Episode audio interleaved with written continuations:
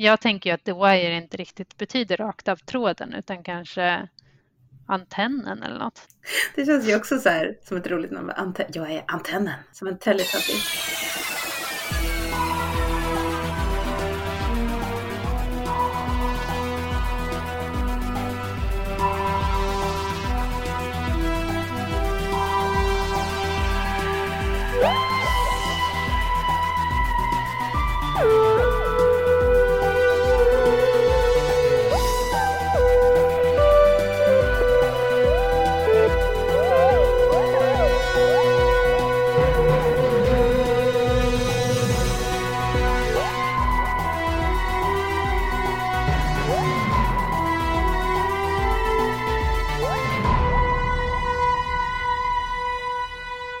Välkommen till Dr Who-podden. Eh, det här är en podd där vi går igenom nya Dr Who avsnitt för avsnitt. Och idag ska vi prata om sjunde delen i säsong två, The Idiot's Lantern. Men gud vad trevligt Malin att du hade skrivit in det åt mig, för jag hade inte gjort det själv. Jag bara yes, här står det. Jag hoppas det är rätt.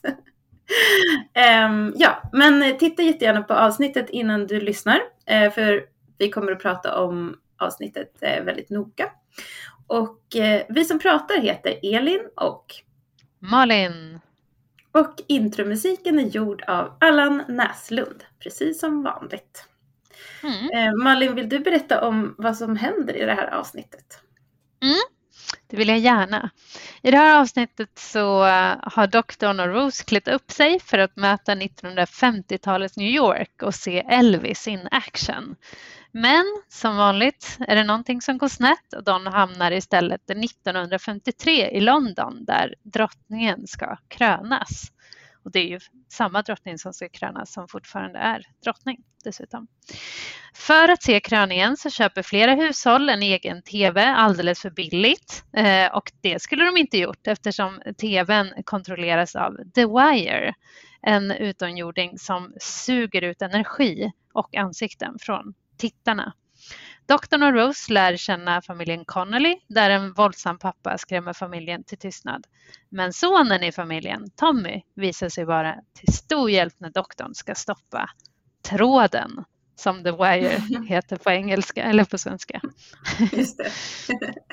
Det är ett ganska bra namn tycker jag. Nästan bättre Tråden. än The Wire. Tycker Eller, du?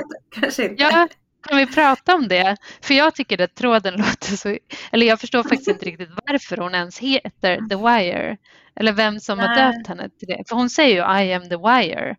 Men jag tycker Mm. det är jättekonstigt. Vad tänker Ja, det är du? jättekonstigt. Ja, men det känns ju som att det handlar om tv-apparater och wires, liksom. Eh, och Mm. trådar och sladdar och grejer. Eller liksom mottagningar och sändningar. Men eh, jag vet inte. Det känns också som att hon egentligen inte alls är, har med tv att göra. Alltså hon har ju för med elektro, hon verkar, hon lever på elektroniska impulser. Hon äter det. Precis. Ja. Ja. Vad tänker ja, du? för det var... Ja, men det var det jag, alltså det är ju logiskt, precis som du säger, att hon heter The Wire för att eh, hon tar väl eh, liksom deras energi eh, från eh, telefon, ja, The Wire. Men, Mm. eh, så, undrar om, men liksom, vi vet ju inte vad det här är för form egentligen och det får vi aldrig livsform. Eh, och hur hon ska se ut när hon har materialiserat sig, som ju hennes Mm. mål, The Wire. Ja, eh, precis. och då kan Man blir lite sugen på att se det. Man blir, ja, man blir lite sugen och man undrar ju också, ser hon ut som en tråd då? Nej. ja. ja, det kanske hon gör. Hon kanske är något så här bara Men det är ganska bra att man inte får se det. För att det skulle säkert... Det är ju lite spännande just att, man inte, att det inte avslöjas. Det får vara Ja. lite höljt i mysterium. Ja, det tycker jag faktiskt också om. Men eh, egent, ja, jag tänker ju att the wire inte riktigt betyder rakt av tråden utan kanske antennen eller något. Nej, det känns ju också så här som ett roligt namn. Ante- jag är antennen. an, antennen. Eh, Ja. Som en teletubby. Typ. Ja, men precis. Ja, men vad betyder det liksom? Ja, Wire. jag vet inte. Det är ju, alltså, de översätter ju väldigt dåligt på, på Amazon Prime. Det får man säga. Ja, Men, Ja, det får man ehm, verkligen jag, jag, säga. inte. jag gillade det ändå på något sätt. Ja. Jag gillade det. ja men ja. Men det är ju skrivet uh. av Mark Gattis såg jag, det här avsnittet. Ja. Det är ja. kul. Eh, honom och, har vi ju, liksom, känner vi igen från eh, det här avsnittet med Charles Dickens. Precis. Eh, och det är också, han är också skådespelare i Sherlock och alltså väldigt känd skådespelare. Mm. Um, och du gillade ju ja. Dan Quiet Dead ganska mycket, eller hur? Mycket mer sådär nu liksom, eller efter, än första gången jag uh. såg det. Precis. Och sen har han också skrivit The Doctor Dances och uh, ah. The, The Empty Child tror jag. Ja, det tror jag också. Så att det här, han gillar ju historiska episoder känns det som. Precis, eller som det kallas pseudohistoriska historier. Just det. Har jag lärt mig. Man ska vara noga med att säga att det inte är på riktigt historia Precis. som skildras här. Precis, även om vissa saker är sanna som kröningen. Jag mm. tänker att det är ganska roligt säkert för de som bor i Storbritannien. Att, alltså, det är nog många som har minnen från kröningen.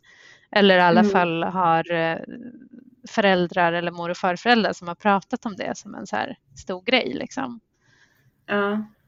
Så, så det är smart att ta ett sånt stort ögonblick. Stort brittiskt Men, ögonblick. Ja, och också smart rent berättartekniskt då eftersom The Wire vill att så många som möjligt ska titta på TV och när tittar man på TV? Hur, vad kan få så många människor som möjligt att samlas kring TV-apparater? Ja, kröningen. Mm. Mm.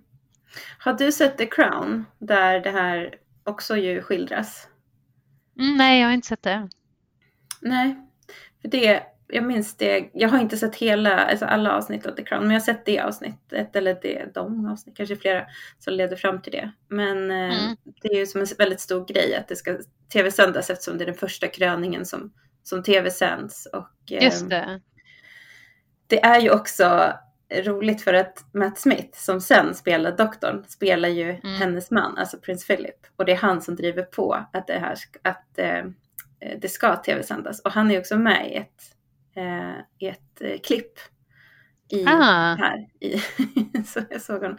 Men ja, ja, så det är alltid lite uh, Det visste de ju inte då. Men, Världen som kollapsar det är kul att man ser också att det är äkta, att det är liksom äkta footage liksom för att det är, ja. Eh, man ser ju det på henne. Eh, att ja. hon är samma person liksom som hon är fortfarande, hon är ju sig lik. Ja. Drottningen. Ja, det är roligt. Men, Men tidigare eh, när, när, drottningen har varit med så har det ju varit, eller när kungafamiljen har nämnts, i, så mm. har det ju varit, alltså två gånger redan i den här säsongen, så har det ju varit med lite satir och lite så här kritik. Vad, mm. vad tänker du? Är det det? Är det någon slags kritik, underliggande kritik även här? Nej, så uppfattar jag det överhuvudtaget inte faktiskt. Här känns det som att det, alltså det jag tycker, det, det jag gillar med det här avsnittet, jag ska säga att jag, jag tycker faktiskt ganska mycket om det, eh, till skillnad från många andra tror jag utifrån att jag när jag har just läst på lite och hört vad folk har sagt om det. Men i alla fall, jag tycker det är ganska roligt att de har valt en tidpunkt i historien som är eh, liksom kännetecknas av dels patriotism, att man ska förväntas gilla liksom eh, kungafamiljen och det gör de ju. Och, det är ing- och som sagt, jag upplever inte det som att det är en kritik mot det eh, i sig, men det jag uppfattar ändå är så här att det, 50-talet brukar jag också prata om som en period som folk har det, får, ju gener, får det generellt bättre eh, så, eh, i hela västvärlden. Att liksom, eh, välfärdsstaterna växer fram ordentligt och sådär. Men samtidigt så är det ganska konformt. Det vill mm. säga att, att liksom, det är ganska starka normer kring hur man förväntas vara och vad som är normalt och inte och alla strävar efter liksom att leva efter ett, ett särskilt ideal som handlar om att vara en, en god medborgare som inte sticker ut utan gör sitt. Liksom. Mm. Eh, och det tycker jag att de har skildrat ganska bra i det här avsnittet. Alltså det är det jag uppfattar som den här Connolly-familjen och eh, även liksom hela för det som händer i avsnittet är ju som vi sa så äter eller The Wire tar folks hjärnor, tummar dem på hjärnvågor va? på något sätt. Eh, ja. Så då försvinner ansiktena mm. på människorna eh, så att de liksom framstår som, det ser ut som människor som är helt ansiktslösa, blanka i ansiktet liksom. Och det finns ingen, ingen energi kvar. Eller det finns inget mänskligt kvar i de här människorna längre. Och det som händer då är ju att de göms, göms både av familjerna där det händer eh, blir personerna inspärrade som till exempel hemma hos The Connolly. Men polisen eh, som vi får träffa i avsnittet är ju först också några som bara samlar in de här människorna som ser konstiga ut och gömmer bort mm. dem så att ingen ska få veta vad som har hänt. Mm. Eh, och det är ju ett lite av ett tema, liksom att doktorn försöker få eh, polisen att vara så här, men hallå, ni är polisen, ni ska ju undersöka brott, ni ska ju inte dölja saker. Men jag tolkar det som att de liksom, det här är en kommentar till så här, eh, hur det mycket var under 50-talet och kanske även 60-talet i England och nog i Sverige också där man liksom försöker gömma allt som är konstigt och det ställer till ganska mycket eh, vånda och eh, ilska och ångest för dem som liksom eh, inte kan leva upp till normalitet eller som, som jag uppfattar den här pappan då som ju är väldigt eh, våldsam och eh, eh, hierarkisk och eh, ja, men liksom ett överhuvud i familjen. Som att han, han, är, han är arg och han, han kan liksom inte hantera känslan av att vara onormal eller att hans familj sticker ut. Mm. Och det är därför han, han är så arg. Mm. Förutom att han också är jävligt otrevlig och osympatisk och våldsam som sagt. Så det tyckte ja. jag var ganska bra speglat i hela avsnittet faktiskt. Mm. Det knyter ju an också till det här lilla talet som Tommy har på slutet när han kallar sin pappa för feg. Och ja, pappan blir ju jättearg och då säger Tommy att eh, du stred för våran, för han har varit med i andra världskriget då. Mm. Eh, du stred för våran rätt att få vara som vi är, få göra vad vi vill, få älska vem vi vill och så mm. vidare. Um, mm. Och uh, det, det liksom visar någonstans att Tommy kanske är den nya generationen som inte vill låta sig pressas in i en norm, i en form, utan bryter sig mm. ut, liksom, mm. eh, testa sig fram. Och jag hörde också att eh, han, Tommy från början skulle skriva, alltså att han hade skrivit att han hade en crush på doktorn. Att han var kär ja, ja. ja, jag har också hört att han ska skriva som, som gay liksom. Ja, men det togs bort att han just hade en crush på doktorn, eller det, mm -hmm. det, det, är inte med, utan det, det kanske är någonting underliggande då, att man ska tänka sig det. Men jag tänker, tänkte bara att det var, det var lite konstigt att för vi pratade ju förra gången också om att det hade klippts bort det här att uh, Mickey och den här killen. Ja, just det.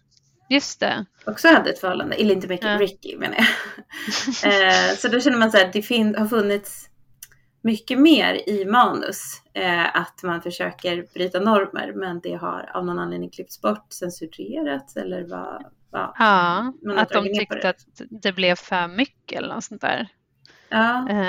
tråkigt. För det finns ju ändå i det här avsnittet så eh, när det är dags för själva eh, kröningen då, då sitter familjen Connolly, de har bjudit in eh, vänner och familj där och så finns det en Aunt Betty där som mm. är så här stor och otrevlig, en så här gapig tant liksom.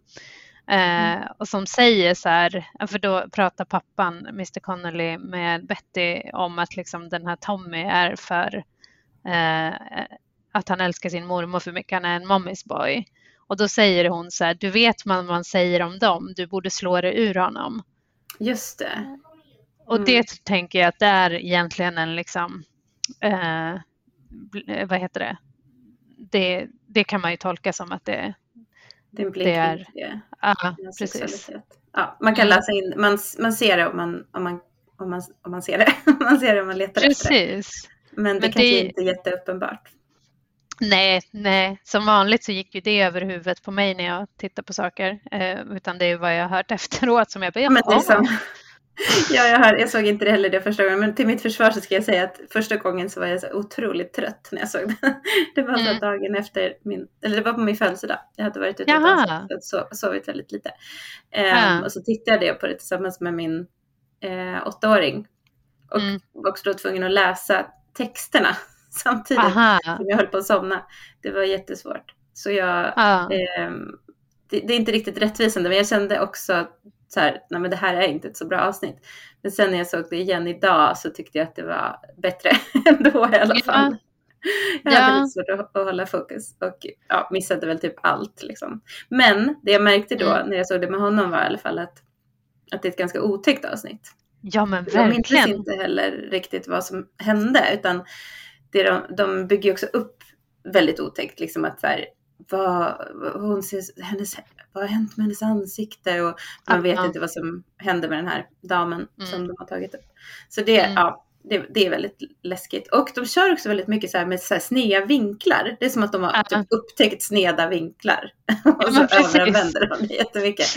Eh, den här skräckfilmskänslan av att allting är så lite snett och konstigt och fel. Ja, lite liksom. absurt. Ja. Ja. Men det gör också att det, jag tycker det är en ganska läskig stämning. Eh, Mm. Och sen blandar ju de det som vanligt med lite så här lättsamt prat mellan doktorn och Rose och, och sådär. Eh, eh, men bitvis. Och så lite alltså, action sen på slutet. Såklart. Det vore ju inte Doctor Who annars. Nej, precis. Men jag tänkte att vi ska börja från början. Vi, vi, låt oss. Eh, Den första scenen där vi möter doktorn och Rose, då kommer ju de ut ur eh, TARDISen och de är klädda eh, i 50-talskläder. Eh, vad kände du för det? Hur, vad var dina känslor? ja men eh, doktorn, doktorns hår Mm. gillar jag inte. Nej, Gör det är inte inte? Nej, Tycker men inte? gud, nej, men det är så fult. Alltså förlåt, men sen när han blir arg i slutet och han Ja. har det där håret, det går inte att ta honom på allvar. Han ser ut som en, han ser ut som en igelkott. Han ser ut som en arg Igelkott. så, det ser så fånigt ut. Usch. Nej, jag håller inte alls med. Jag tycker han är snygg i det här avsnittet faktiskt. Men lite för arg i vissa scener som jag inte köper i och för sig. Men eh, mm, Ja. Ah, nej men jag är inte förtjust. Han har ju sina vanliga kläder så han har ju bara ändrat sitt hår. Men eh, mm, Rose har ju, har ju en snygg stil, 50-talsstil. Ehm, Mm. Men jag tänker att det var väldigt så här, alltså det var lite så här inne 2006 eh, med det här. Alltså det fanns en Mm. liten så här retroromantik, retrovibb liksom Mm. på, det, på 2000 början av 2000-talet. Som Mm. vi kanske ser här, som inte känns lika het längre. Eh, Nej. jag. Men den här Nej. stilen är ju väldigt cosplayad, den här som hon har. Eh, ja, Som Rose har. Och sen så när de kör iväg på den här vespan så är det ju också ganska kul. Eh, Ja. Och jag, Mm. jag måste ju säga att jag tycker det här är nog för att en sak som ett annat projekt jag har, eh, förutom poddandet, är ju att jag eh, tillsammans med några vänner lyssnar på Rolling Stones eh, lista på 500 bästa album. Eh, och då har Mm. vi pratat ganska mycket där, för det dyker upp så här Elvis-album, några stycken. Så vi har Mm. debatterat heta debatter om när Elvis är som bäst. Det vad jag kul. är Ja, och jag är ju team Elvis, eh, Soul Elvis, eller sena Elvis helt enkelt. Eh, Mhm. för jag tycker det är mycket bättre, eh, helt Mm. enkelt. Eh, mu- musikaliskt så gillar jag ganska mycket eh, sena Elvis. Eh, vissa låtar tycker jag är jätte, jättebra. Som In the Ghetto till exempel. Superbra låt. Mm.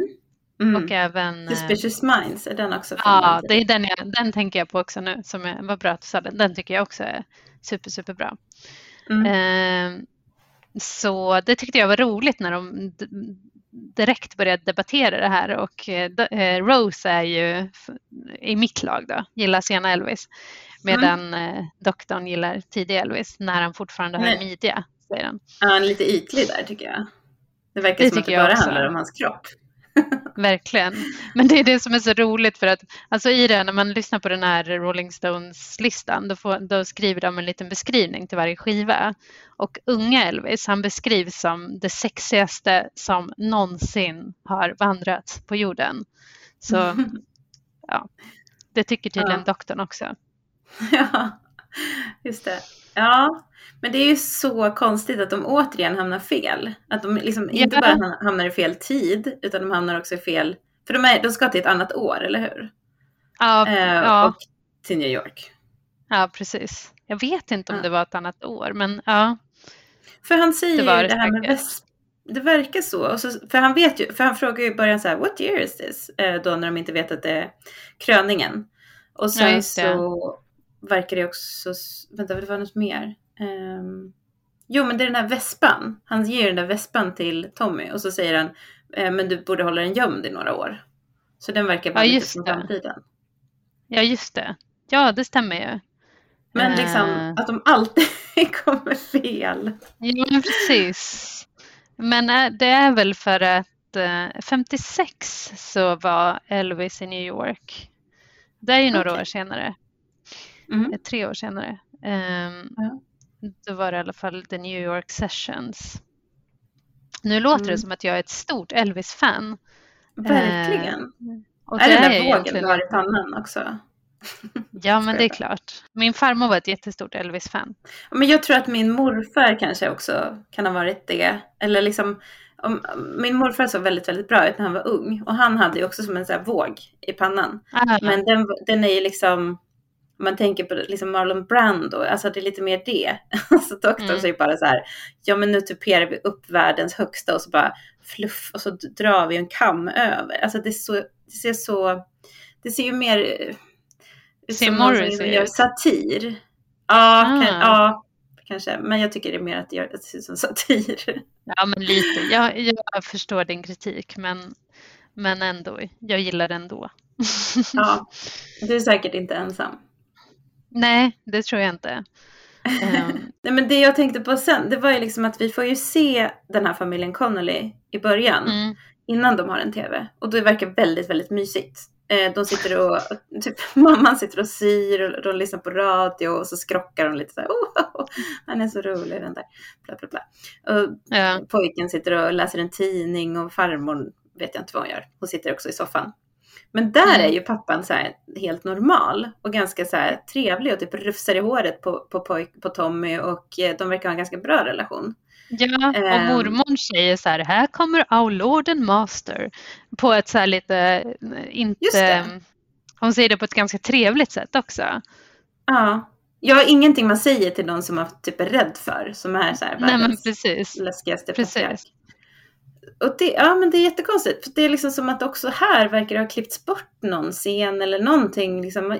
För att det som händer nästa, nästa gång vi får se dem, det är att dels har de köpt en TV och mm. dels så har ma- farmor redan blivit, eh, eller mormor redan blivit mm.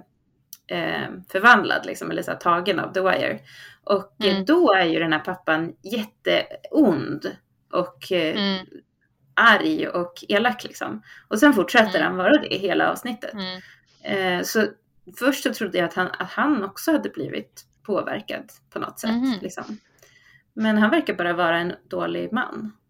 Ja, fast jag tolkar det som, som jag sa inledningsvis om att det är att Alltså uppenbarligen så har han ju den här elakheten i sig och det är säkert inte första gången han är eh, liksom eh, våldsam.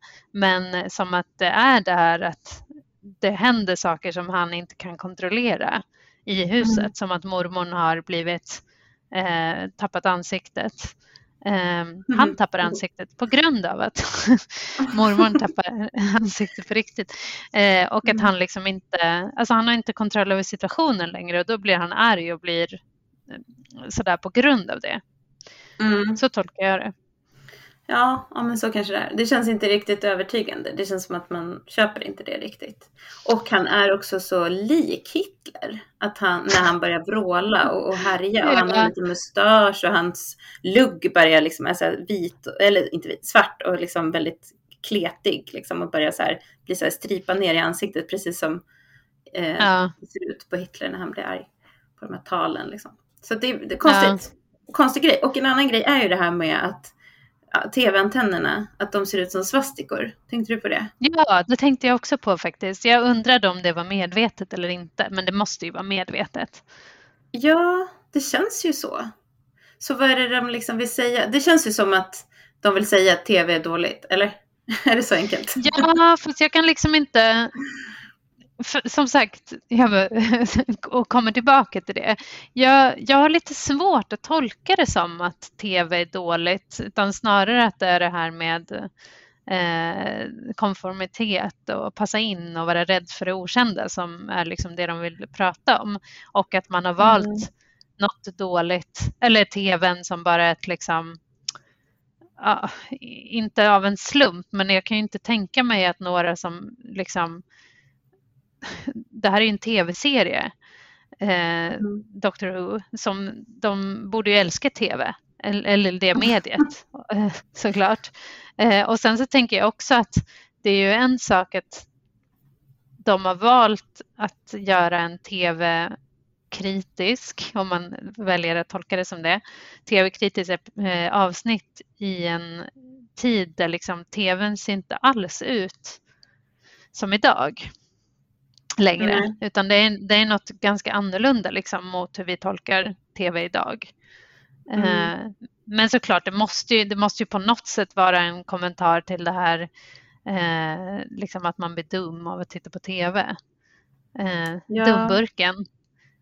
Ja, precis. Jag, började, jag tänkte liksom på det här om, om, eller det är lite konstigt om de har förlagt serie, eller så avsnittet i efterkrigstiden efter nazismen. Liksom. Mm. att så här, England har, Storbritannien har besegrat nazismen.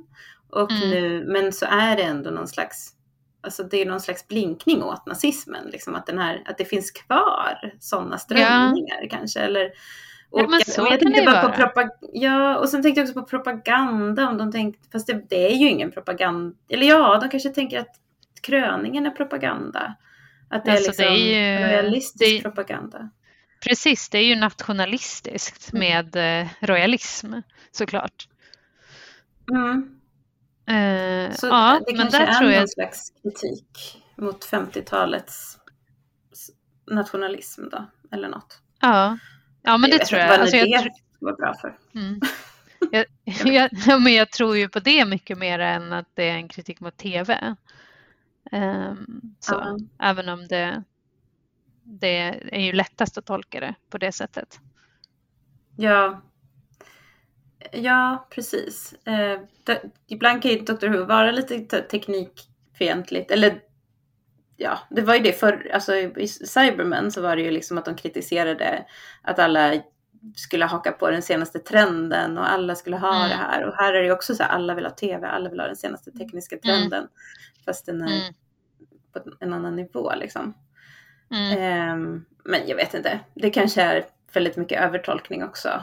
Um, men det är ju väldigt lätt att tänka, just när hon säger också så här, alltså den här mormon, you turn the brain into soup. Och. Men, eh, Precis. Och avsnittet heter ju The Idiot's Lantern för att Just det.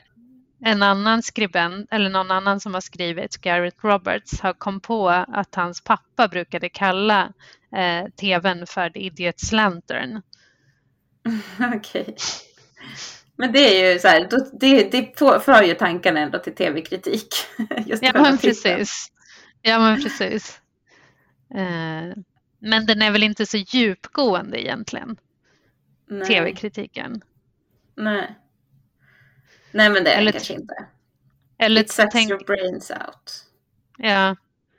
Ja, men de kanske tar en liksom trope från verkligheten och sen så gör någonting, skruvar till det. Så. Mm. Ja, men just det här att, de, att de tar människors ansikten och att det är deras essens och eh, mm. eh, hjärn, liksom, funktion. Um, mm. det, är, ja, det går ju att koppla till att jag vet inte. Ah, okay, det är inte så intressant kanske. Skit i det, vi pratar om något annat. Vad ska vi prata om? Ja, hemliga polisen, den är lite konstig. Ja. Eller det är ingen hemlig polis, det är en helt vanlig polis. Ja, Förutom eh, det här med, som sagt, det är ju ganska intressant ändå att eh, polisen gör, liksom gömmer bort folk bara. Polisen mm. framstår ju inte som så sympatisk. Vilket Nej. vi ju såklart, det finns all skäl till att kritisera polisen. Men det känns lite som att det är så här, återigen är en massa så här, sidospår. Alltså både den här Mr Connolly som man bara hmm, mm. vad har han i kikaren för något skumt?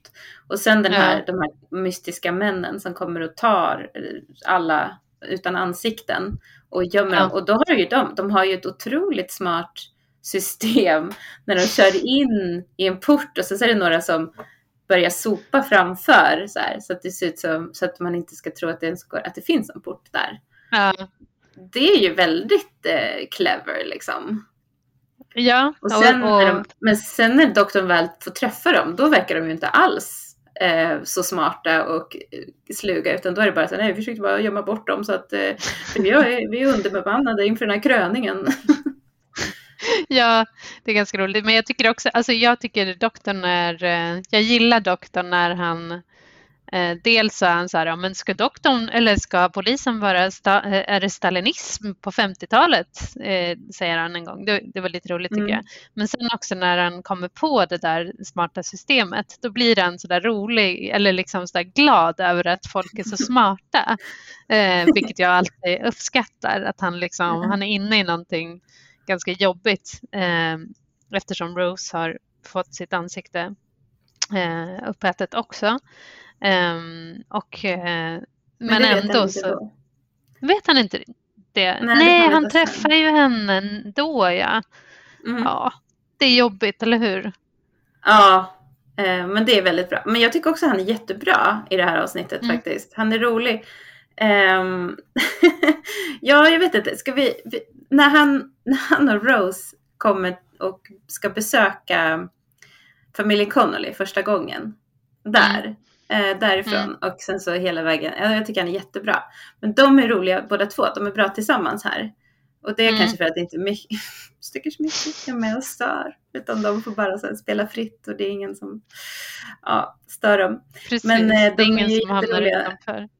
Nej, precis. Men eh, det är kul. De, så här, de plingar ju på och så säger de att och så är de väldigt så här hello! och eh, doktorn säger att de kommer från för att inspektera hur här, patriotiska de är inför kröningen, om de har hängt upp flaggorna rätt. Mm. Um, och där är ju också Rose väldigt rolig när hon liksom säger till Mr Connolly att han har hängt flaggorna fel. Mm. Um, det här tycker jag, det här är nog mitt favoritmoment i, i hela avsnittet när både Rose performance här och också doktorn som är här, liksom varierar mellan att vara rolig och säga åt eh, Mr Connolly mm. väldigt mycket. Vid ett tillfälle så, så ser man lite från hans allra första avsnitt när han när den här Mr Connolly börjar skrika. Då, han säger så här I'm talking here, säger Mr Connolly. Och då säger doktorn But I'm not listening! Eh, och skriker tillbaka på ett, eh, men jag tycker det är lite som när han skriker åt de här rymdvarelserna i eh, första ja. avsnittet. Jag håller med och jag tyckte första gången när jag såg det så tyckte jag också att det bara var roligt. Men sen så tycker jag kanske att doktorn är lite för arg. Alltså för när han i det där avsnittet, i hans första avsnitt som, som du pratade om, då gör han det med en viss distans på något sätt. Eller när han liksom... Ja, då skojar han nästan. Ja, men precis. Och det, mm. det tycker jag, det är konstigt att han blir så himla himla arg. Han skriker rakt i ansiktet liksom. På, han är lika arg som Mr Connolly. Och det är lite, ja, jag köper inte riktigt det. Även om jag gillar såklart att han sätter honom på plats eftersom han är mm. en svin. Mm. Ja, men det känns som, jag tänker att det är att han talar Mr Connollys maktspråk lite grann. Mm. Så att han, han svarar på ett sätt som Mr Connolly lyssnar på. Ja. Även om han är ganska liten och eh, späd som person. Ja. Men sen är han också väldigt fin och liksom lyssnar in Tommy och Tommys mamma också, eller Mrs Connolly. Och eh, frågar hur det är med henne och, och, vad det är som händer. Och när hon får berätta så Mm. märker man ju hur det bara så förlöses och hon börjar gråta och, och då tröstar de henne på ett bra sätt. Jag tycker Mm. att eh, de, har liksom, de är både liksom roliga och bestämda och tar saker så, så sätter honom på plats båda två. Mm. Och eh, Mm. liksom upptäcker också vad som har hänt. Alltså att de kom, Mm. går upp till, till den här eh, mormorn som håller på med käppen. Det förstår man inte riktigt varför hon gör. Hon håller på och bankar. Men ja, det är kanske som de säger att hon är hungrig. Och det är så fint också att Tommy bara, vi, vi, vi vet inte hur vi ska kunna mata henne. För att hon har Ja. ingen mun. Hon Stackars. Tommy. Mm. Ja. Mormors pojke. Mm. Nej. ja. Nej, men jag, tyck, jag, jag tycker också den scenen, det är min favoritscen i avsnittet. Mm. Förutom att jag också tyckte om öppningsscenen. Ja. Jag tycker också om sen när, både när Rose är på egen hand och, för hon, doktorn är så här, åh vi måste sticka iväg. Just det, för att de här poliserna kommer ju och tar eh, mormorn. För Ja. att han, Mr Connolly har ju avslöjat dem. Mm, Eller har väl ringt in ett tips då, när de blev Mm. avslöjade. mm, Ehm, så då kommer de, de här poliserna och hämtar mormorn och då, ja, och så slår de ju till, de, slår, de gör ju knockout på doktorn. Ja, Och han är så rolig också, när han, för han svimmar ju av och så, så när han vaknar så här, wow, det var en riktig vänsterkutt, det får jag akta mig för. Så han är återigen väldigt imponerad bara av allt han upplever. ja, Och sen Ja. så springer han ju ner för trapporna hur snabbt som helst, alltså typ glider ner för trapporna. Och så ska han säga, men han sätter på sig hjälmen innan han åker iväg på vespan. Men han har ju liksom inte tid att vänta på Rose, så Rose blir ju kvar. Han Mm. säger åt henne att skynda sig och så, men sen så, så väntar han inte utan han åker efter dem. Så de blir separerade igen. Och då Mm. stannar hon kvar och ser den här liksom röda elektriciteten vid tvn. Och eh, Mm. ser också att det står Mr Magpies eh, tv eller någonting. Så det är så Mm. hon kommer sen till Magpie. Så mm, hon går och undersöker Mag- Magpie och han går och undersöker eh, poliserna. Och eh, han kommer ju in då liksom och se, hittar alla de här ansiktslösa människorna som de bara har ställt in i ett förråd. mm, Och det är ju ett, en otäck scen. Återigen får mig att tänka på Westworld som vi gjorde, pratade om allra första avsnittet, Rose. När det står en massa Ah. människor stilla och så går man in bland dem och sen så plötsligt så, så vet man att de kommer börja röra sig. Och, ja, just det. fast Mm. de gör ju inte det. De står ju och gör sådär med, med handen. Ja. Så man tror att de ska börja skada honom. Men mhm. Det vill de väl inte? Eller varför gör de sådär med handen? Nej, alltså de borde ju inte ha någon vilja eller eh, eftersom deras hjärna, hjärnaktivitet är liksom nere på noll eh, fick ju doktorn fram genom att avläsa eh, eh, mormors ansikte med sin screwdriver. Men Mm. jag tror de bara vill skapa en läskig scen, för den är ju jätteläskig. Mm. Precis. Återigen är det bara ett villospår. Ja, Ja. fast Eh, och läskigt sen så- och effektfullt. ja, ja, absolut läskigt och effektfullt. Och sen så kommer han ju, börjar han ju prata med, eller då liksom sen så kommer ju de här eh, poliserna och tar och räddar honom eller vad man ska säga. Eller liksom de upptäcker att han har gjort inbrott och eh, avslöjat dem. Och då får han ju prata med dem. Och då är han också väldigt, väldigt rolig när han pratar med, med den här Detective Inspector Bishop. Men borde ni inte Mm. göra lite Detective Inspectioning? Eh, och sådär. Ehm, Ja, Eh, men ja, han är väldigt bra där tycker jag. Och Rose är också jättebra när hon går in till Magpie och är så här, ja, men hon är så här modig och fattar liksom vad som händer. mm, Eh, Mm. Väldigt handlingskraftig. mm, men det slutar ju tyvärr med att han låser dörren och hon blir upp, hennes ansikte blir uppätet av The Wire. mm. Men där tycker jag också att de har skapat en väldigt bra liksom, scen på det alltså stämningsmässigt. För att hon ställer sina ihärdiga frågor och man ser ju själv, alltså man blir ju så här, men gå nu då. Bara gå Mm. så slipper du det här. För man förstår att, att eh, eh, The Wire, eller tråden är på väg att ta henne liksom. Men hon går aldrig. Och sen svänger Mm. eh, Mr Magpie och ser plötsligt liksom ingen annan utväg än att, eh, än att låta The Wire äta upp eh, Rose. Uh, och så, så, det var också en scen som jag tycker så här, men det är ju spännande. Det här är ju liksom, man sitter ju och känner saker och är, mm. det är lite skräckfilms-feeling så. Ja, och man, hon förstärker det genom att säga så här, det är bara du och jag kvar här. Eh, tänker du erkänna nu? Ja. så att hon förstår helt plötsligt att hon är i ett ganska utsatt läge. Ja, ja. Men vad tycker du om The Wire, alltså själva, eh, liksom, hon som gestaltar The Wire? vad tänker du om det? Det här, I'm hungry, feed ja. me. Det är ju för mycket, eller hur? Eh, mm. Det tycker jag. Men egentligen, alltså från början tycker jag att hon är ganska, även där så här stämningsfullt läskig. När man får träffa henne mm. eh, i första scenen där vi ser Mr Magpie. Och då säger hon mm. ju också redan där att hon är från Alexandra Palace och önskar alla godnatt. Och det här Alexandra Palace, det var huvudkvarteret för BBC under 1950-talet. Eh, mm. Och tanken är ju att eh, The Wire ska använda just sändaren i Alexandra, Alexandra Palace för att stjäla folks då, elektro, mm. elektromagnetisk energi. Eh, mm. så det tyckte jag, när, man, när jag tittade på det andra gången och liksom tänkte på vad hon sa lite mera så sätter de ju redan, eller planterar redan liksom ut vad som ska ske och sådär. Eh, så det tyckte jag var ganska bra. Eh, och sen så tyckte jag att just den här att skapa den här 50-tals hemmafru fast ändå jobbar, eller liksom den här tv-hallåan som någonting läskigt. Det tyckte jag var också effektfullt. Så jag gillar det. Och jag gillar mm. liksom hennes eh, skådespelaren tycker jag är ganska bra också. Mm. mm. Hon heter Maureen Lipman och är um, ganska känd i Storbritannien. Har till och med blivit Dame eh, Maureen Diane Lipman. Eh, utsedd av eh, att hon har blivit adlad. Mm. Helt enkelt. Eh, av drottningen. mm. eh, så så det, allt hänger ihop. Eh, mm.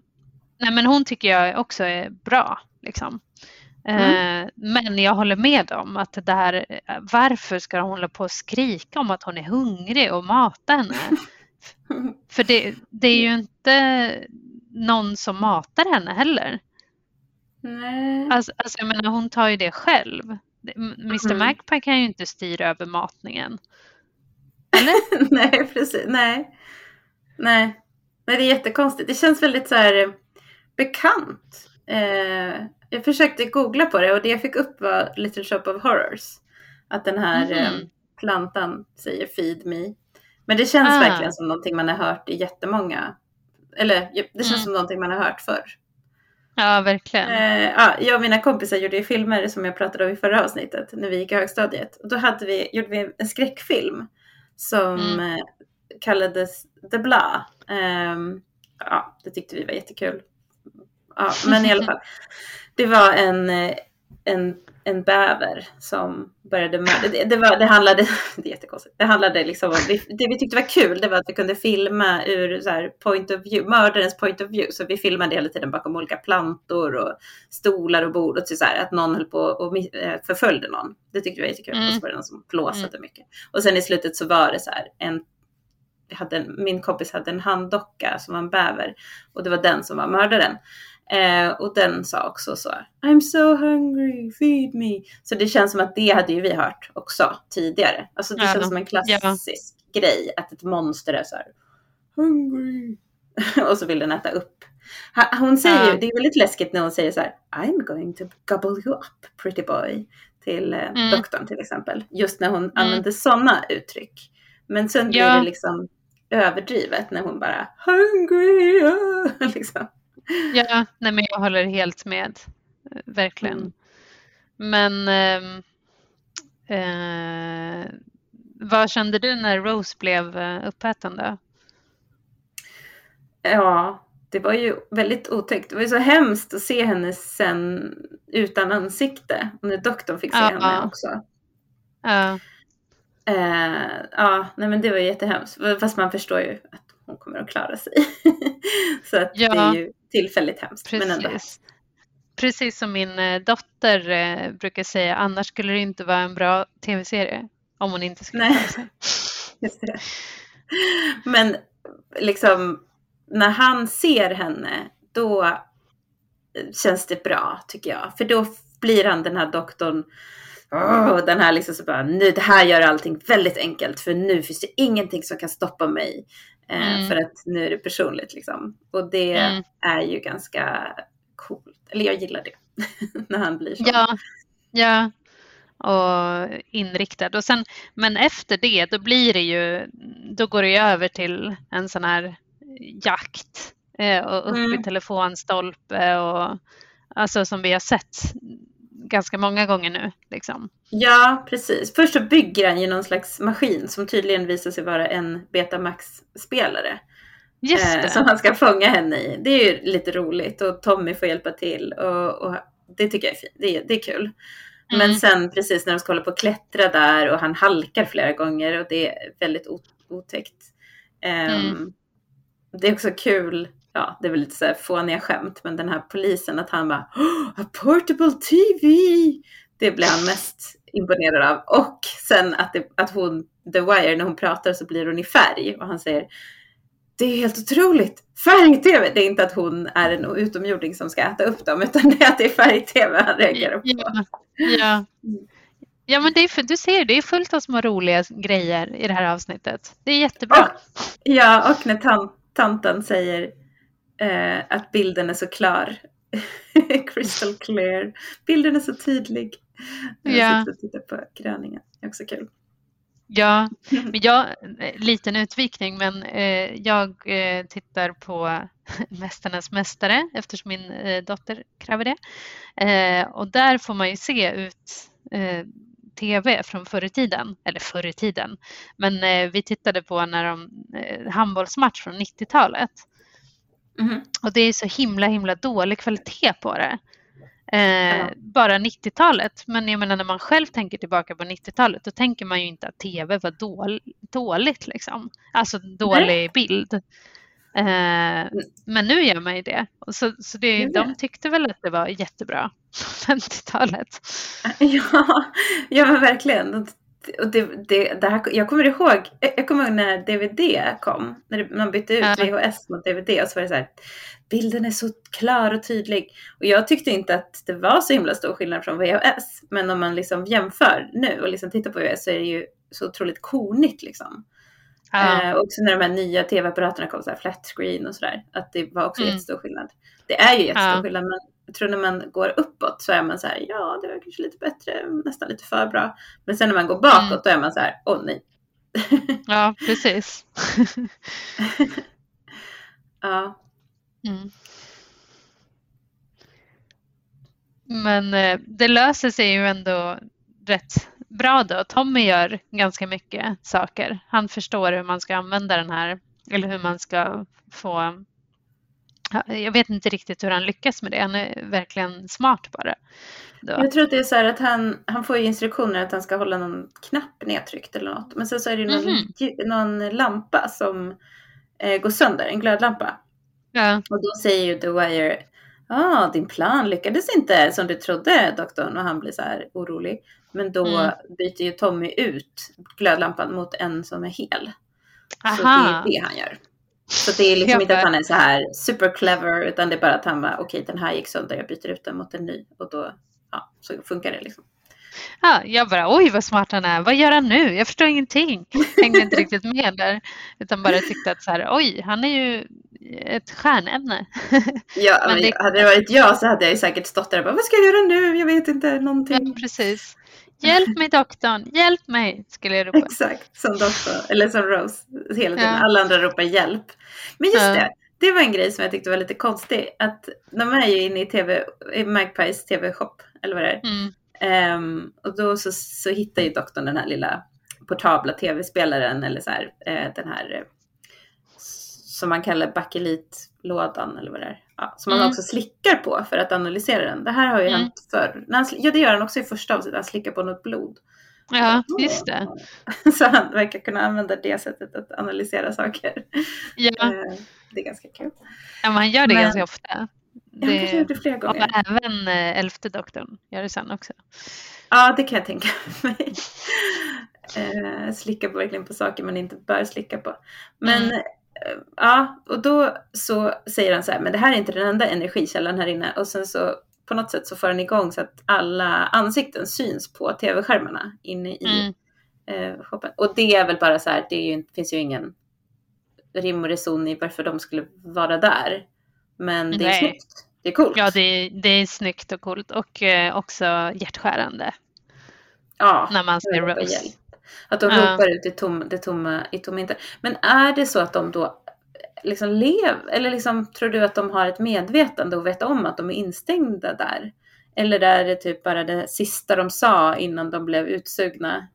Eller vad, vad tror du? Ja, mera det eh, tror jag. Eh, Mm. Men jag förstår ju inte ändå mekaniken bakom som du säger. Det finns ingen rim och reson i det. Liksom, har hon samlat alla The Wire i den där affären? Det, det är svårt att förstå. Utan jag försökte bara vara så här. Och här är en häftig scen. Och läskig. Ja. Ja. ja. Och inte tänkte så mycket Det är på lite det. som i Game of Thrones, och det har inte du sett, men där har de ett, ett tempel med en massa ansikten. The Faceless Men, de har också en massa ansikten som sitter liksom på eh, pelare i, ett, i en stor sal. Och sen kan Aha. de använda de här ansiktena och ta på sig dem. Mm. Ja, så lite samma sak. De kanske har hämtat inspiration från Doctor Who. Mycket möjligt.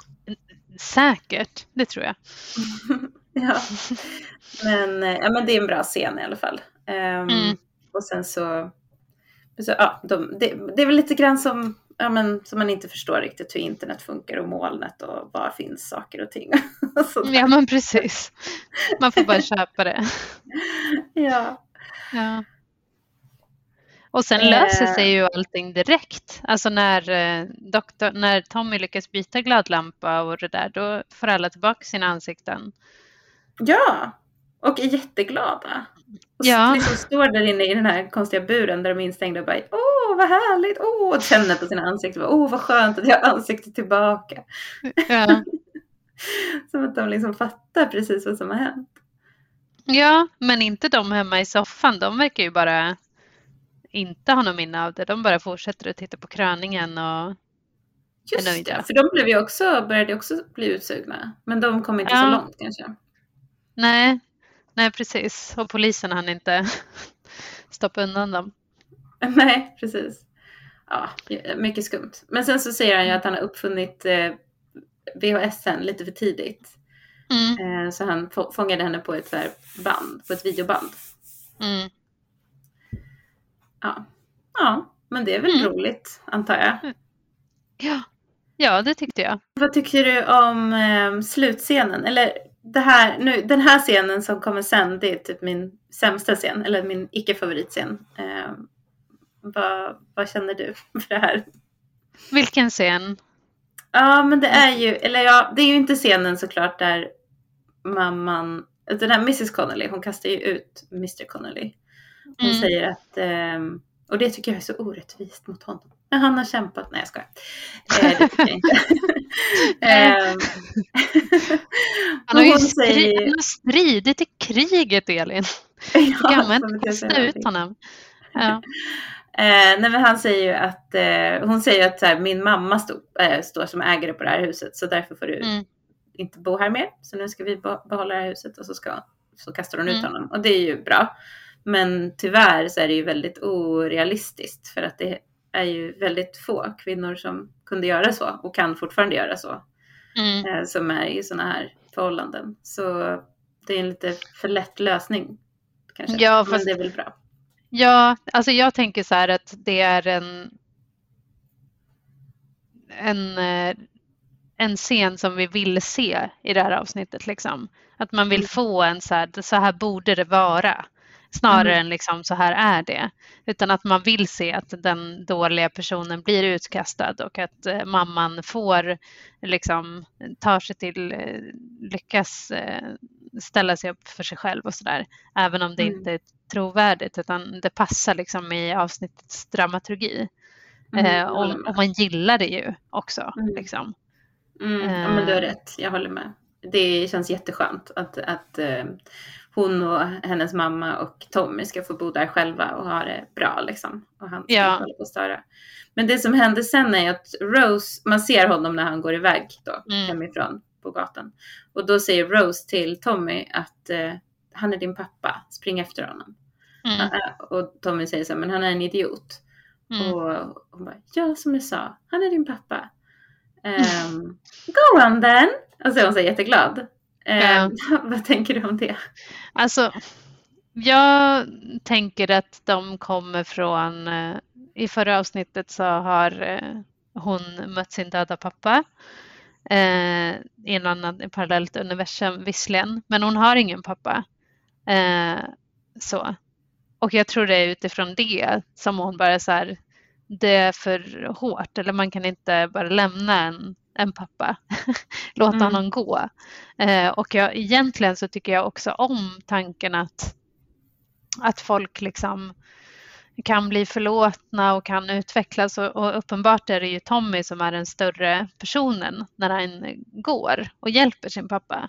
Och sen får man väl hoppas att, det är ju inte heller så trovärdigt naturligtvis, men att pappan liksom lär sig en läxa och kan bli en bättre man på egen hand och helt plötsligt accepterar att sonen eh, kanske är gay eller ja, vad det nu är. Eh, så. Mm. Så jag Mm. vet inte, jag tycker det är så här, jag, jag tycker faktiskt om det.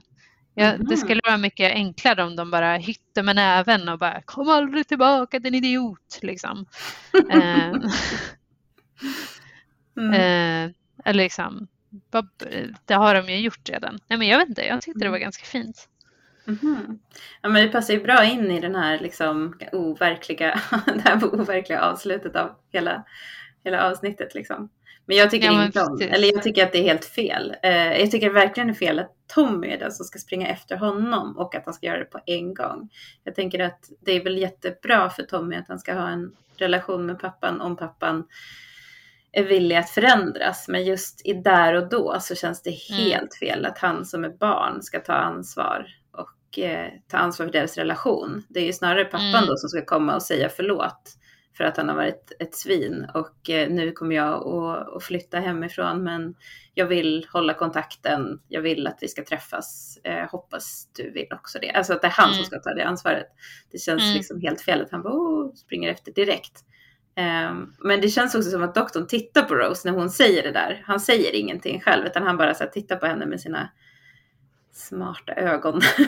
det känns som att han, han också ser just det där som du sa, att det här handlar ju om henne och att hon Mm. precis har förlorat sin pappa för Mm. tredje gången. Liksom. Mm. Ehm, ja. Mm. Jag, jag både håller med dig och inte håller med dig. Mm. Eh, för på något sätt så har Tommy varit ju en, alltså han är ju fortfarande, jag vet inte hur gammal han är här, är han typ 15, 16 eller 14 eller jag har lite svårt att åldersbestämma honom. Ja. Eh, eh, men han liksom, han är ju uppenbarligen smart och, och kan tolka mänskliga relationer också utifrån det där stora talet han gjorde om liksom pappans eh, karaktär.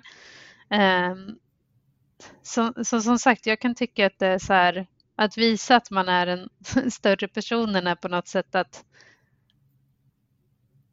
visa ännu mera att man liksom um, det, du, alltså det är inte ett sätt att vara så här, förlo- det behöver inte vara så här och jag förlåter dig och nu är allt bra och nu är vi vänner. Utan det kan också vara så här, du har gjort allt det här som är fel eh, och nu kan vi prata om det. Eller det behöver inte betyda att vi aldrig ska prata igen, men vi kan inte göra det på de villkoren som har varit tidigare. Eh, Och Mm. på ett sätt så kan jag också gilla att man ser att, ja men vi ser ju, Tommy tar ju väskan från pappan eh, och bär den åt honom. Och då blir det liksom ett sätt att visa att det är han som är den mogen, alltså det är han som, som, som kan mer om världen nu än vad pappan är. Pappan är passé liksom. Mm. Ehm, Ja, det är väl ett sätt ja. att visa det väldigt, väldigt med den lilla, lilla tiden man har kvar. Att ja. eh, det inte, man inte bara lämnar honom. Men jag tycker att eh, och jag tänker att det är säkert, det är säkert bra, det kan ju vara bra för Tommy att få vara den att inte vara bitter och arg då, mm. utan att vara snäll och räcka ut en hand. Han kanske, han, som barn så har man väl alltid dåligt samvete gentemot sina eh, föräldrar, så om föräldrarna mår dåligt. Men jag tycker fortfarande att det är, känns som att det, det liksom bara eh, liksom, risken är att det bara kommer att leda till en destruktiv relation där han kommer att fortsätta vara den snälla och stora fina personen. Liksom. Eller att han kommer ja. hjälpa sin far och pappan kommer vara bitter och, och, inte förstå att han, det är han som måste bli vuxen här i deras relation. Det håller, ja, verkligen. I realiteten lär ju eh, typ alla sådana här relationer sluta med det. Såklart. Um, ja, jag håller med. Ja, vi har rätt båda två. Men å andra sidan, om det hade varit, alltså Ja, jo vi har rätt båda två, men om jag hade fått den där scenen där pappan skulle ha kommit och liksom sagt det här, nu flyttar jag men jag hoppas att du kan förlåta mig och jag har varit så dum. Det skulle också varit för mycket och inte kännas trovärdigt, tycker jag. Mm. Så Nej. jag gillar väl på sätt att de vis inte gjorde det. För som sagt det mest sannolika är ju att pappan kommer bli en bitter person som är ensam och, pappa, och Tommy kommer att hälsa på liksom Eh, bara känna förakt för sin pappa för att han aldrig kan säga ett vänligt ord. Liksom. Mm. Det är väl det mest sannolika. Men, men här så får man ju i alla fall någon slags öppning för något annat. Ja, ja, jag tyckte att det var en okej, okay. Kanske lite smörig scen. Mm. Men vad tycker du om doktorns replik? Det finns ingen plats för sådana som han i den här världen. Att det är en ny start, en ny, eh, vad heter det, ja men en ny drottning, en ny ja. värld. Nu finns det inte plats för sådana här gammaldags män längre. Alltså man kan ju på ett sätt gilla den för att så borde det vara men det är ju inte verklighetsförankrat alls. Eller liksom dels är det ju nu 50-talet, det är ju eh, patriarkatet är fortfarande starkt liksom. Eh, mm. 70 år senare. Um, och eh, drottningen, hon har ju ingenting med eh, slutet av, eller liksom, ja hon är en kvinna som blir regent visserligen, men, men det säger ju ingenting om, om genusrelationer på riktigt. Nej. Nej, men tror du att det har någon inverkan liksom på så symboliken, alltså hur, man, hur engelsmännen ser på kvinnor? alltså kan, är, det, är de mer öppna för en kvinna i maktposition än andra på grund av detta? Gud vilken svår fråga. Eller, nu dyker ju också Margaret Thatcher upp i mitt huvud såklart eftersom hon är en Just annan kvinna med makt som har funnits i mm. Storbritannien och även Theresa May eh, har ju varit premiärminister i Storbritannien så de har ju en hel del liksom, kvinnor som, som kvinnor med makt. Eh, men sen tolkar inte jag Storbritannien som ett... Ja, det är fler än i Sverige i alla fall. Eh, även om ja, vi har ju snart kanske någon gång en kvinnlig drottning också. Men, eh, och såklart vår statsminister. Men ja, jag vet inte. Nej, jag tror inte att Storbritannien är ett särskilt jämställt land eller har schysstare värderingar. Eh, nej. Så. Nej. Men nej, någonting, nej, det är väl klart att det spelar roll att man har sett kvinnor som eh, i, liksom, det, det, är klart att det spelar roll. Mm. Att man kan se att man också kan bli, kanske inte drottning, men statsminister eller premiärminister eller vad det nu kan vara. Mm. Jag, jag gillar ändå den här scenen när han säger, när doktorn säger åt Mr, Mr Connolly, vad, vad har eh, drottningen för kön? Och Mm. Han bara, är kvinna. Jag tror att hon gör hemarbete och, så, ja, och på det sättet får honom att börja hänga upp de där flaggorna. Ja, ehm. det var roligt men samtidigt så Nej, hon gör inte hemarbete men det lär ju inte vara en man som gör det. Det lär ju vara hennes kvinnliga tjänare liksom. Det är inte prins Philip som gör det. Troligtvis inte.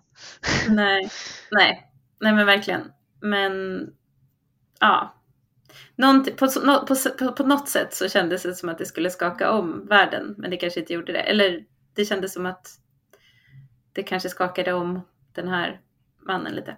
Men ja. nu när man tittar liksom i dagens värld och vi har Trump och vi har Bolsonaro och vi har Putin och vi har en massa hemska manliga macholedare överallt så känns det ju verkligen som att jo, den här världen är absolut rätt plats för Mr Connolly, tyvärr.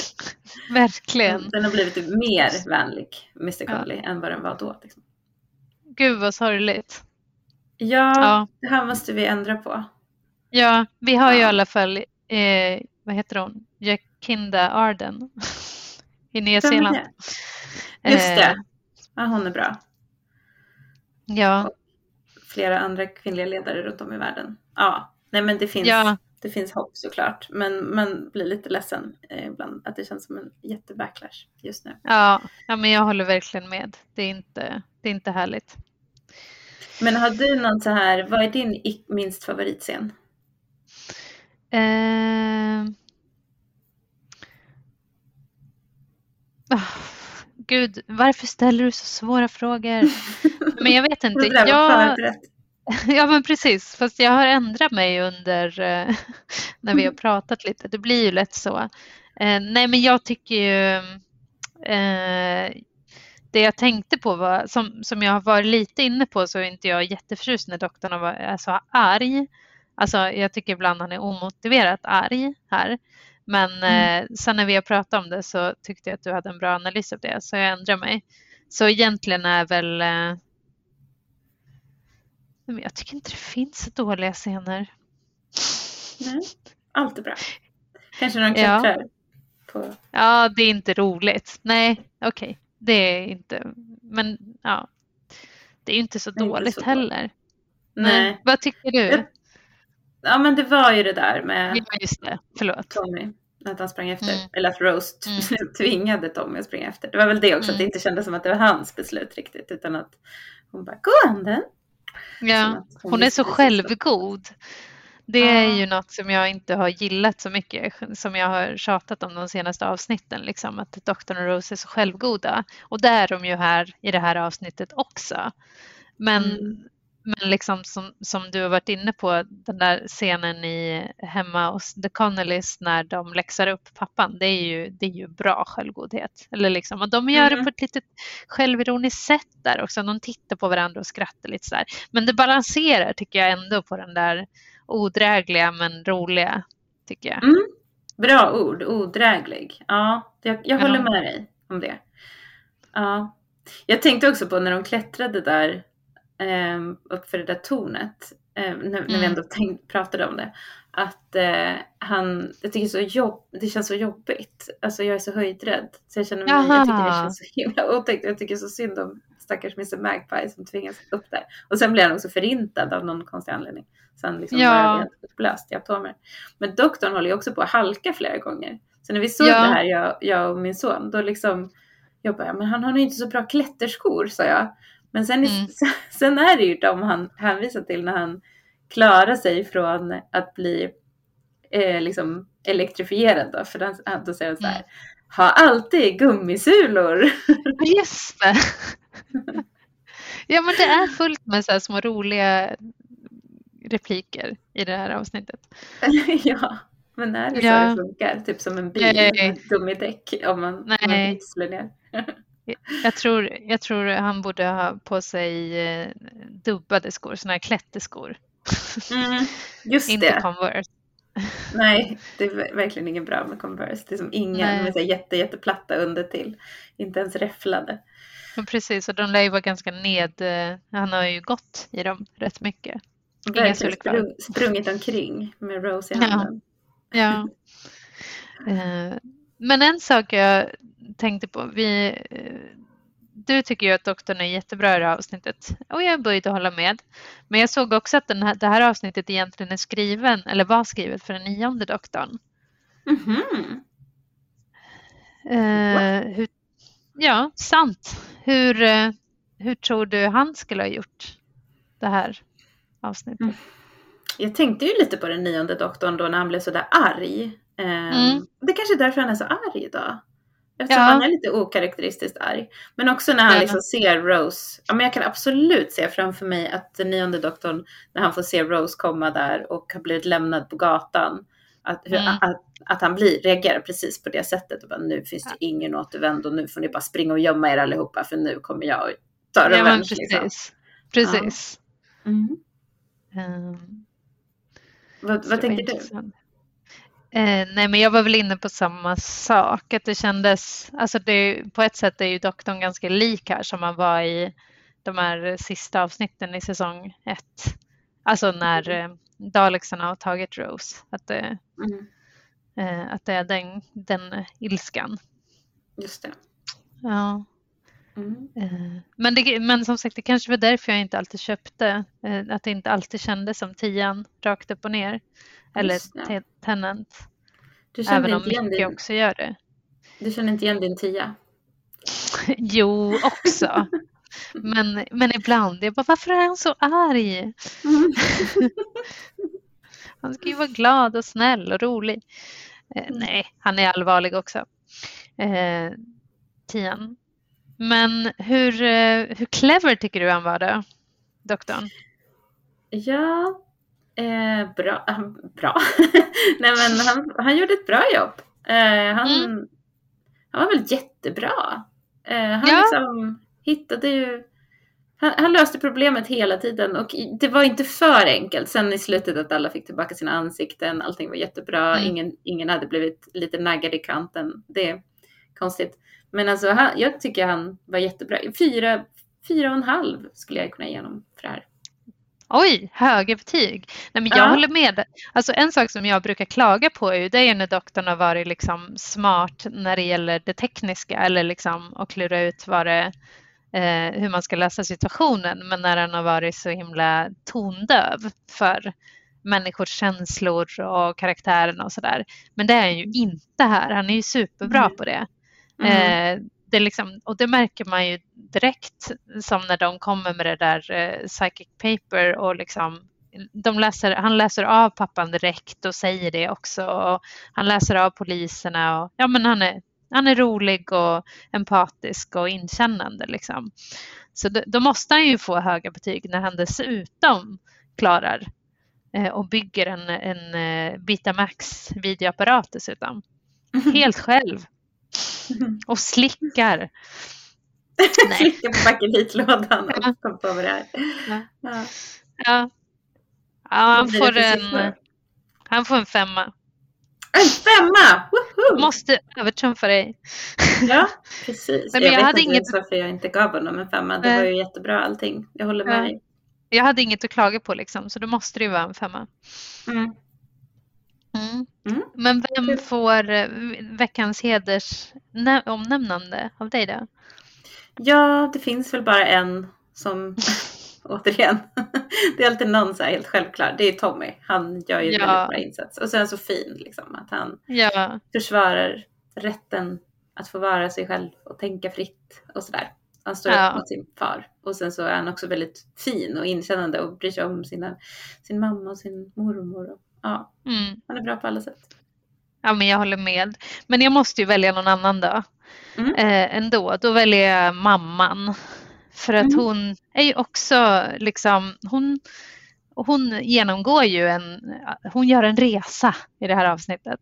Hon Mm. inser att hon inte behöver leva med den här mannen eh, som, som förtrycker henne. Eh, och hon blir så glad och nöjd också eh, efteråt. Ja. Alltså hon, hon tar det med sån ro när hon bara, nu ska vi alla ha trevligt, nu lämnar vi det här bakom oss och bara njuter av stunden. Ja, men det är så Ja. kul. Hon lever verkligen upp. Hon är så här, mår alla bra? Hela, alltså hon Ja, verkar ju må, bli väldigt, hon blir som en helt annan person. Ja, så, så hon får mitt omnämnande. Fast jag egentligen skulle också gett det till Tommy. Men, eh, men hon är bra också. Rita som hon heter, mamman. Mm. Ja. Bra. Det var det avsnittet. Nästa Ja. avsnitt. Oj, oj, oj. Jag ser fram emot. Ja, det ska bli roligt. Då ska vi till... eh, vad det heter. Vad sa du? Berätta vad det heter. Ska, tycker du att jag ska göra det? Eh, ja, nej, men jag kan säga vad det heter för jag kommer ihåg det nu. det är Impossible Planet heter det va? Just det, The Impossible Planet. Det är ju, vi får se om det blir, det är ju ett uh, dubbelavsnitt. Så vi får Just se det. om vi kör det som två avsnitt eller ett avsnitt. Men de är ganska innehållsrika som ja. jag minns det. Så vi får väl vi får uh, konferera. Mm. Jag känner mig väldigt peppad faktiskt på det här. Mm. Mm. Um, ja, men vad bra. Ska vi säga vad man kan, hur man kan komma i kontakt med oss? Det kan vi säga. Man kan eh, dels mejla oss på drwhopodden gmail.com. Man kan också följa oss på Instagram där vi heter drwhopodden. Eh, och där kan man kommentera vilka, vilket eh, vissa av våra lyssnare har gjort eh, och det har gjort oss jätteglada. Och sen kan man väl även ge betyg, väl? Ja, och hur gör man det? Det, det vore kul. Det är lite oklart eftersom jag typ aldrig har gjort det själv. Men jag ska börja, jag lovar att göra det om ni har poddar. Skriv till mig. Så, ja, nej men eh, alltså, gör gärna det för att det hjälper oss att synas för andra som kanske skulle kunna gilla den här podden. Så, mm. Eller tipsa personer ni känner om podden mm. eh, om ni tror att de skulle gilla den. För då, mm. Det vore jättekul. Tycker och, vi. Och om det är så att ni råkar älska eller för den skullen, eh, för den delen hata nästa avsnitt, The Impossible Planet, eh, hör av er och gör en liten mini-review så kan vi läsa upp den. Mm. Ja, det vore jättekul. Eh, säg vad ni tycker mm. om nästa avsnitt så, så tar vi upp det. Okej, men tills dess så får vi säga... Allons-y! Hej då! Later.